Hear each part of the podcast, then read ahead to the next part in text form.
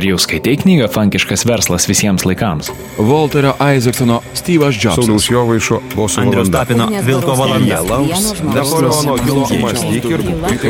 Gillian Flynn. Per daug knygų per mažai laiko? Įsijunkite laidą savaitgalio skaitiniai ir susipažinkite su naujausiomis lietuviškomis audio knygomis šeštadieniais 7 val. ryto. Laidą rengia audioteka.lt lietuviškos audio knygos tavo telefone.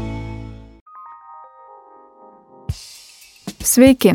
Šiandien laidoje savaitgalio skaitiniai noriu Jums papasakoti apie Rimvido Židžiūno ir Andrės Pabarčiūtės audio knygą Amžinas medaus mėno. Reali patirtis, kuriant stebuklus poroje. Audio knygą įgarsino Domas Burkauskas.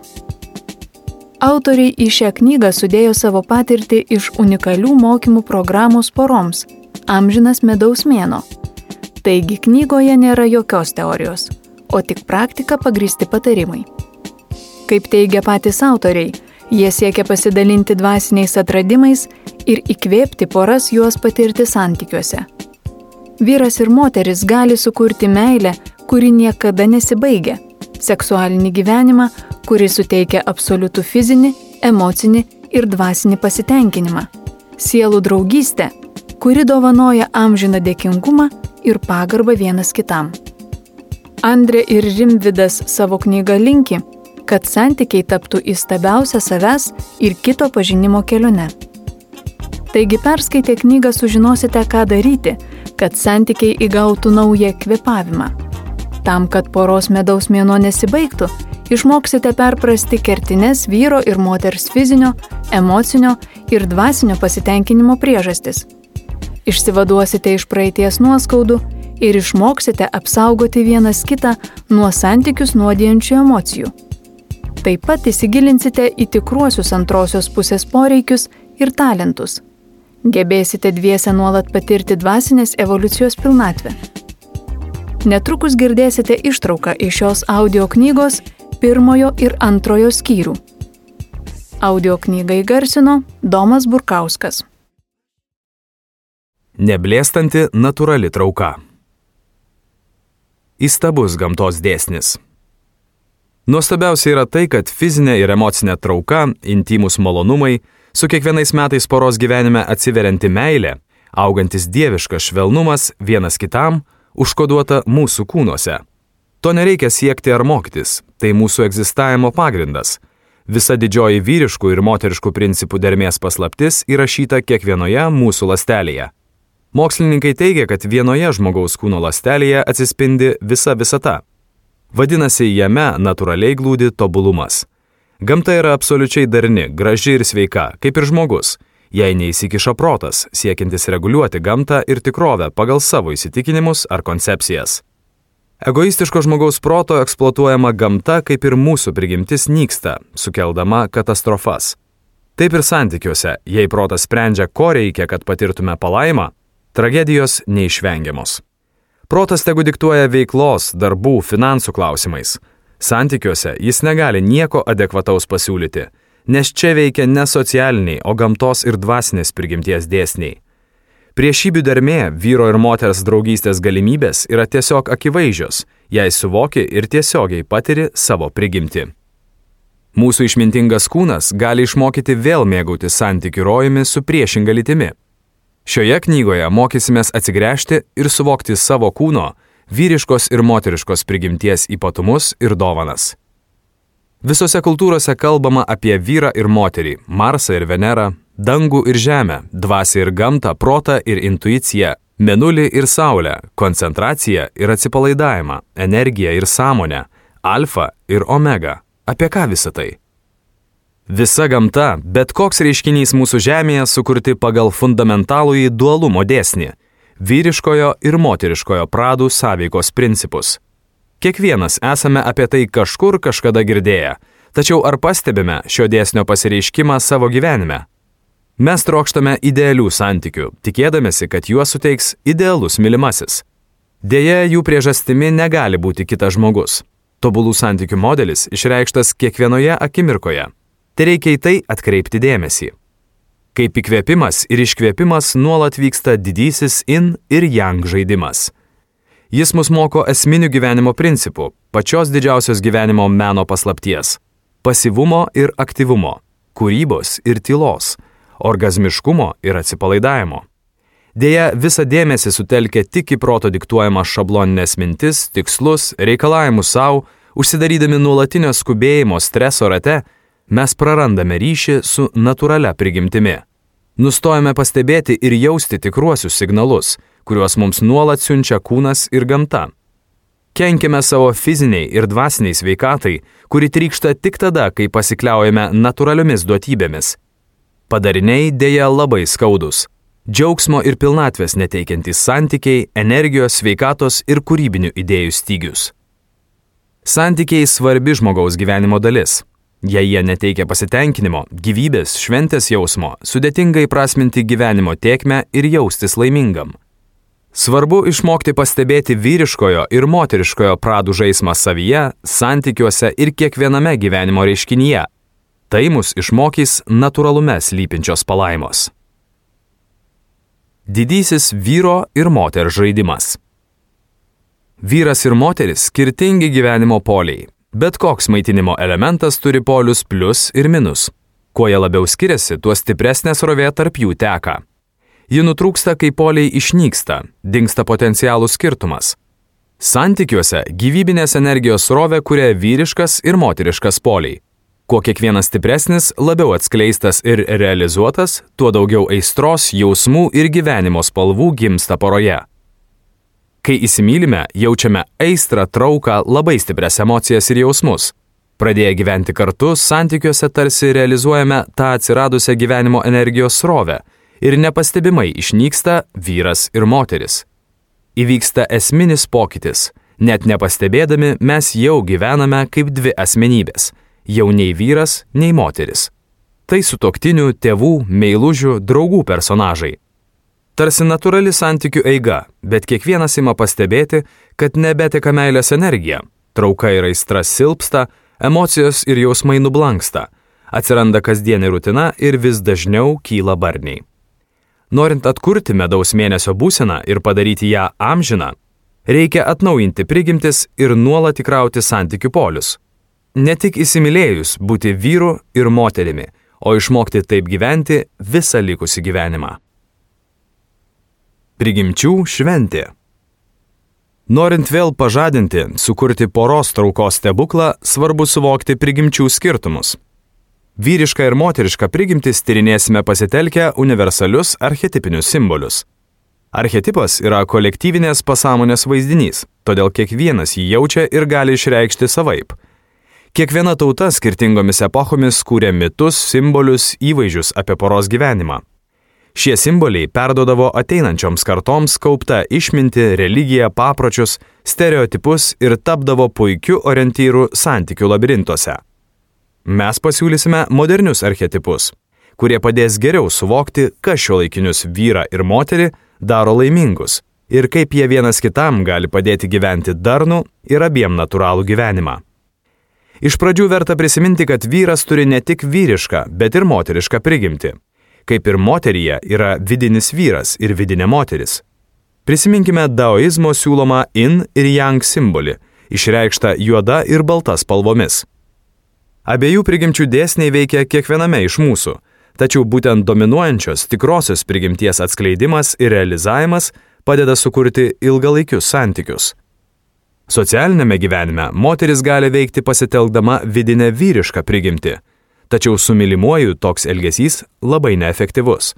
Jis išbalansuoja, o kartais ir greuna santykius. Tokiomis sąlygomis ilgainiui išnyksta ir seksualinė trauka. Taip pat ir vyras patogiai ir komfortiškai gyvendamas pradeda kliauti savo moterišką prigimtimi. Tai nėra blogai, tačiau jei taip nuolat elgsis būdamas su mylimąja, nuodis santykius ir greus bendrą gyvenimą. Taigi informacija apie savo prigimtį padės geriau pažinti save ir suprasti, kas iš tiesų jums yra natūralu. Žinios apie priešingą lytį leis suvokti, kaip mylimam žmogui padėti būti laimingam su jumis. Moteriška ir vyriška būsenos. Kai sakome prigimtis, mes nekalbame apie savybių rinkinį ar elgsenos scenarius. Mes bandome nusakyti būseną, kurioje natūralu gyventi vyrui ar moteriai. Kad padėtume į ją pasinerti, tyrinėti ir atskleisti, pasitelksime gamtos ir miesto vaizdinius. Moteriška savijauta tarsi gamta. Jis stichiška, ritminga, nuolat kinta, auga, skleidžiasi, žydi, miršta ir vėl atgimsta. Vyriška būsena nusako miesto simbolis. Viskas jame vyksta pagal tam tikrą tvarką, planą, siekiant aiškumo, efektyvumo ir rezultatų. Vėlyvajame akmens amžiuje, kai žmonės gyveno gamtoje, Dievas buvo moteris, o visuomenės santvarka - matriarchatas. Iškilus miestams, susiformavus klasiniai visuomeniai, Dievas tapo vyru, o žmonės ėmė elgtis pagal patriarchalinius papročius. Kai vyras ir moteris didžiąją gyvenimo dalį gyvena remdamiesi natūralią savo prigimtimi, jie dažniau patiria realizacijos ir pasitenkinimo jausmą. Tokie santykiai asmeninėme gyvenime tarsi be pastangų natūraliai ir darniai dera. Taigi šiais laikais, kalbant mitologinę kalbą, turėtume garbinti Dievą ir Deivę vienodai gerbdami tiek vyrišką, tiek moterišką dieviškumo pasireiškimą. Ir jų santykius laikyti sakraliais. Galima taip romantiškai įvardyti didžiausius laimėjimus, kuriuos pora atranda, nuolat augdama ir tobulėdama asmeninėme gyvenime. Moteris tai unikali gamta. Kiekvienos moters prigimtis yra tarsi gamta. Ji unikali ir nepakartojama. Viena tarsi karšiu ir spalvomis alsuojanti viduržėmio jūros pakrantė, kita - giraitė, upelis ir daugybė nuostabių gėlių. Mokymuose mes mokome moteris įsiklausyti į savo vidų, pasitelkti vaizduotę ir pačioms rasti individualų gamtos vaizdinį, nusakantį prigimties būseną. Prigimtis nėra proto produktas, todėl ji nekalba žodžiais, o siunčia signalus per pojūčius, emocijas ir jausmus Norėdamos save pažinti ir supažindinti vyrą su savo esme, moteris tai gali padaryti pasiteldamos vaizdinius ir išmokdamos juos tinkamai interpretuoti. Tarsi aiškintume savo sapnus ar vizijas. Kiekviena turi atrasti vidinių simbolių kalbą, kuri padėtų suprasti jos moterišką prigimtį ir jos kelią.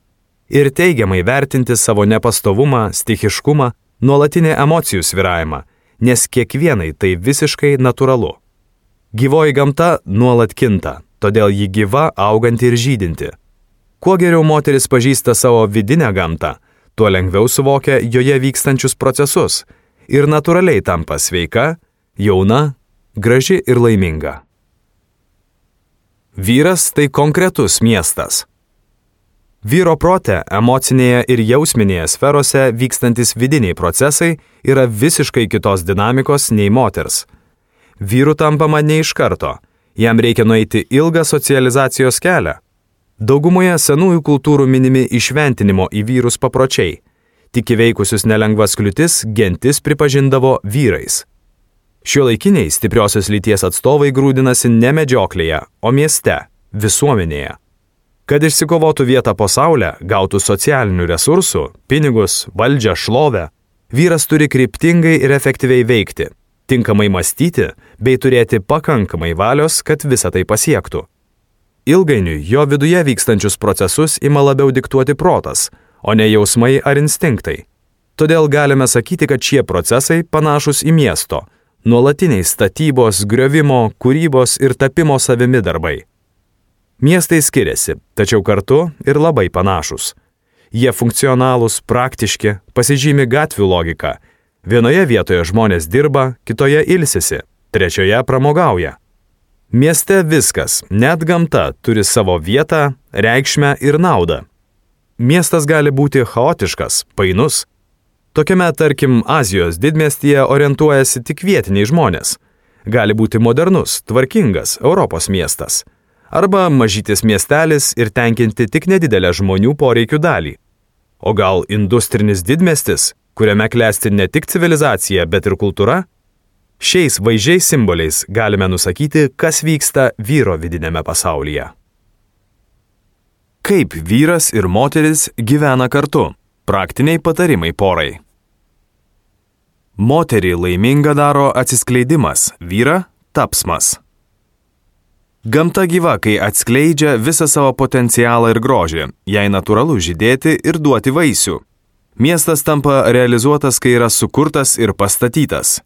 Taip ir vyrui svarbu realizuoti savo pašaukimą, užkoduotą jo talentuose, noruose ir galimybėse. Galima sakyti, moteris tampa laiminga, kai atsiskleidžia ir pražįsta, o vyras, kai tampa tuo, kuo nori tapti ir jaučiasi gebantis pasiekti savo tikslus.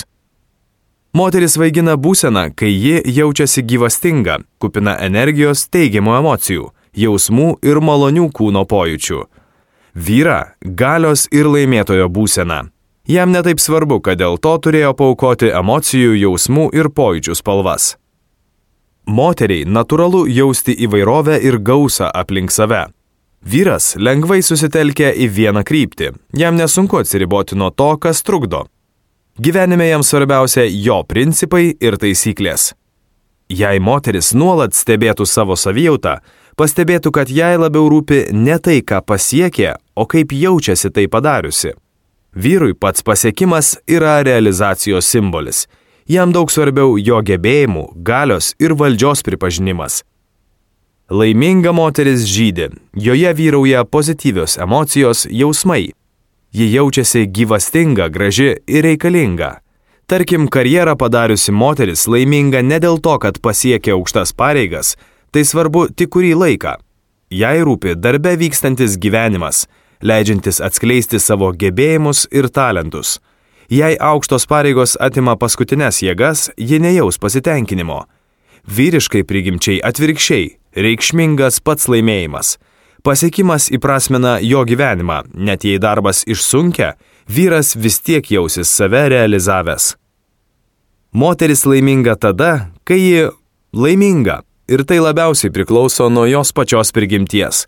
Tai yra, ar ji tam tikromis sąlygomis gali atsiskleisti, žydėti ir jaustis gyvastinga. Vyras pilnatvė jaučia įveikęs kliūtis ir pasiekęs savo tikslus - kažkuo tapęs, kažką sukūręs ar padaręs. Moteriai realizacijos jausmą sukelia pats gyvenimo procesas, jo kokybė, jausmai ir emocijos. Vyrus įprasmina veikla, rezultatai ir galios jausmas įveikus dar vieną kliūtį. Porai svarbu, kai moteris padeda partneriui tapti tuo, ko jis nori tapti. Vyras įkvepiamas savo mylimai sukurti idealias gyvenimo sąlygas, kad ji būtų laiminga. Tai natūralus mainų ratas, užkoduotas mūsų prigimtyje. Tačiau dažnai mes ignoruojame prigimties impulsus, todėl protas ir egoizmas sugriauna natūralų poros gyvenimą. Štai keli vengtinos elgsenos pavyzdžiai. Moteris nori, kad vyras taptų tuo, kuo ji pati nusprendė, jog jis turėtų tapti. Ji nuolat trokšta pakeisti, perdaryti savo partnerį. Tai tas pats lik norėtų perstatyti miestą, į kurį atsikėlė gyventi. Žinoma, tai sukelia pasipriešinimą ir kovą. Akivaizdu, kad dėl tokios elgsenos vyras netampa patenkintas ir jaučia dar mažesnį įkvėpimą savo mylimai sukurti tinkamą gyvenimą. Dažna vyrų klaida, kad jie nesidomi unikalia savo moters prigimtimi, nebando jos atskleisti, tiesiog jie naudojasi savo seksualiniams ir emocinio kontakto poreikiams tenkinti. Kaip ir nepuoselėjama, tik išnaudojama gamta išsenka, ima keršyti, taip ir moteris šeimoje nustoja džiaugtis gyvenimu, nebejaučia teigiamų emocijų ir jausmų. Santykiai virsta nuobodžia kasdienybė ar emocijų sviravimo sukeltų pragaru. Taigi vyras turi pažinti savo moterį, kad padėtų jai atsiskleisti, o moteris turi taip suprasti savo partnerį, kad padėtų tapti tuo, kuo jis pats nori būti. Juk šiais laikais santykius kuriame tam, kad vienas kitą padarytume laimingus. Moters atsiskleidimas, o vyro tapsmas yra puikus būdas. Moterį galima pažinti stebint, vyrą analizuojant. Moters neįmanoma suprasti, ją galima tik pajausti. Senovės žmonės, kurie visą gyvenimą praleisdavo gamtoje, stebėdavo ženklus ir pagal juos nuspėdavo, šalta ar šilta diena bus, lis ar švies saulė. Mes nebesuprantame, kodėl vienoks saulėlydis pranašauja artėjančią audrą, kitoks giedrą. Gamtos neįmanoma iki galo perprasti ir prognozuoti, nes ji procesuali ir stichiška. Stebint ženklus, dėsnius ir pasitelkiant intuiciją, ją galima tik pajausti. Taip ir moteris. Išmokę stebėti jos emocijas, jausmus, elgseną, kūno kalbą ir visą tai išanalizuoti pasitelkiant intuiciją, suvoksi, kas vyksta, kaip išvengti žemės drebėjimų ir sulaukti saulėtų dienų. Moteris pati turėtų save stebėti ir jausti, užuot laukusi, kol vyras perpras. Tik stebėdama save be vertinimų ir lyginimų su kitomis, pati pradedi priimti savo vidinę gamtą ir jos stichiškumą, atrandi unikalią kalbą, kaip susikalbėti su savo prigimtimi. Pasiteldama intuiciją, išmoksti savyje susiorientuoti ir save prognozuoti. Pradedi save girdėti, intuityviai žinai, kas tave atskleidžia, kas tau natūralu ir kaip reikia elgtis. Kai moteris pati suvokia, kas su ja vyksta, ko ji nori ir geba tai perduoti mylimajam, santykiai gerėja. Norite suprasti vyrą? Analizuokite jo principus, tikslus ir mąstymą. Mieste nepaklysi, kai turi žemėlapį ir žinai, ko ieškai. Vyrų vidinio pasaulio struktūrą sudaro žodžiai ir logika, kurią galima paaiškinti. Jie labiau nuspėjami, nes gyvena pagal savo principus, tikslus ir požiūrį. Juokaujama, kad vyrų ištikimybė priklauso nuo principų, o moters nuo aplinkybių. O gal tai panašu į tiesą? Moteriai, kad susigaudytų savyje, būtina išsikalbėti, išreikšti visas savo baimės ir džiaugsmus. Vyrui save analizuoti, peržiūrėti vertybės, tikslus, nustatyti prioritetus, įvertinti sėkmės ir pralaimėjimo galimybės. Auksinės taisyklės. Vyrui verta žinoti, kad norint padėti moteriai susivokti savyje, reikia leisti jai išsikalbėti ir jos neanalizuoti kaip savęs. Išmintingiausia ją stebėti kaip gamtą, kurioje tuo metu vyksta tam tikras meteorologinis reiškinys. Moteriai tai padeda jaustis mylimai. Kartu atviras pokalbis padeda geriau susivokti savyje, Vyras tuo metu gauna daug vertingų ženklų, kurie ilgainiui stebint moterį tampa meilės ar santykių audrų pranašais. Taigi geras vyras yra ne tik herojus, nugalėtojas, bet ir dėmesingas pašnekovas. Moteris turi prisiminti, jog vyrui reikia suteikti laisvės, kad jis galėtų ramiai analizuoti save ir savo gyvenimą. Jam nereikia patarimų ar pastabų, nes jos dažniausiai trukdo pačiam spręsti savo situaciją. Akivaizdu, kad netinka tiesiogiai patarinėti. Geriau suteikti naudingų duomenų, kurie natūraliai pakreiptų analizę tinkamą linkme. Vyrus galima suprasti ir gana tiksliai prognozuoti. Todėl kiekviena moteris prieš užmėgsdama ilgalaikius santykius privalo sužinoti išrinktojo požiūrį į seksą, vaikus, bendrą gyvenimą ir pamatuoti vyro socialinės ambicijas, nes tai tikriausiai nesikeis. Nebent jo gyvenime įvyktų kokia nors katastrofa, nušvitimas ar vidinė transformacija. Juk seniau visų tautų moteris eidavo gyventi į vyro namus. Jos turėdavo pasikeisti ir priimti kitos giminės taisyklės. Moterims tai gerokai lengviau nei vyrams, todėl jei renkiesi gyventi būtent šiame mieste, jis nepasikeis dėl to, kad tu į jį persikeliai. Žinoma, kiekviena vilėsi, kad būtent su jie jis tikrai pasikeis, tačiau gyvenimo išmintis rodo ką kitą. Taigi vyras turi išmokti klausyti, stebėti ir pasitelkti intuiciją, kad padėtų savo moteriai būti laimingai. Dėmesingas klausimasis padeda moteriai susiorientuoti savyje. Savo ruoštų ji turi suteikti partneriui erdvės pačiam susivokti savyje ir priimti sprendimus. Išmintinga moteris nepatarinėja, ji moka pateikti tinkamą informaciją ir taip pakeisti vyro mąstymo eigą bei priimamus sprendimus. Pati moteris privalo nuolat stebėti savo vidinius procesus ir pasitelkti intuiciją, kad susivoktų savyje. Vyras turi puikiai išmanyti savo gyvenimo principus, vertybės ir tikslus, kurių vedamas ruošiasi gyventi su mylimąja. Tai nekonfliktinių santykių garantas. Girdėjote ištrauką iš Rimvido Žydžiūno ir Andrės Pabarčiūtės audio knygos Amžinas medaus mėno Reali patirtis, kuriant stebuklus poroje, kurią įgarsino Domas Burkauskas. Knygos tesinio galite klausyti savo išmaniuoju telefonu parsisiuntę programėlę Audioteka LT. Čia buvo laida Savaitgalio skaitiniai ir aš, Ernesta Platukytė.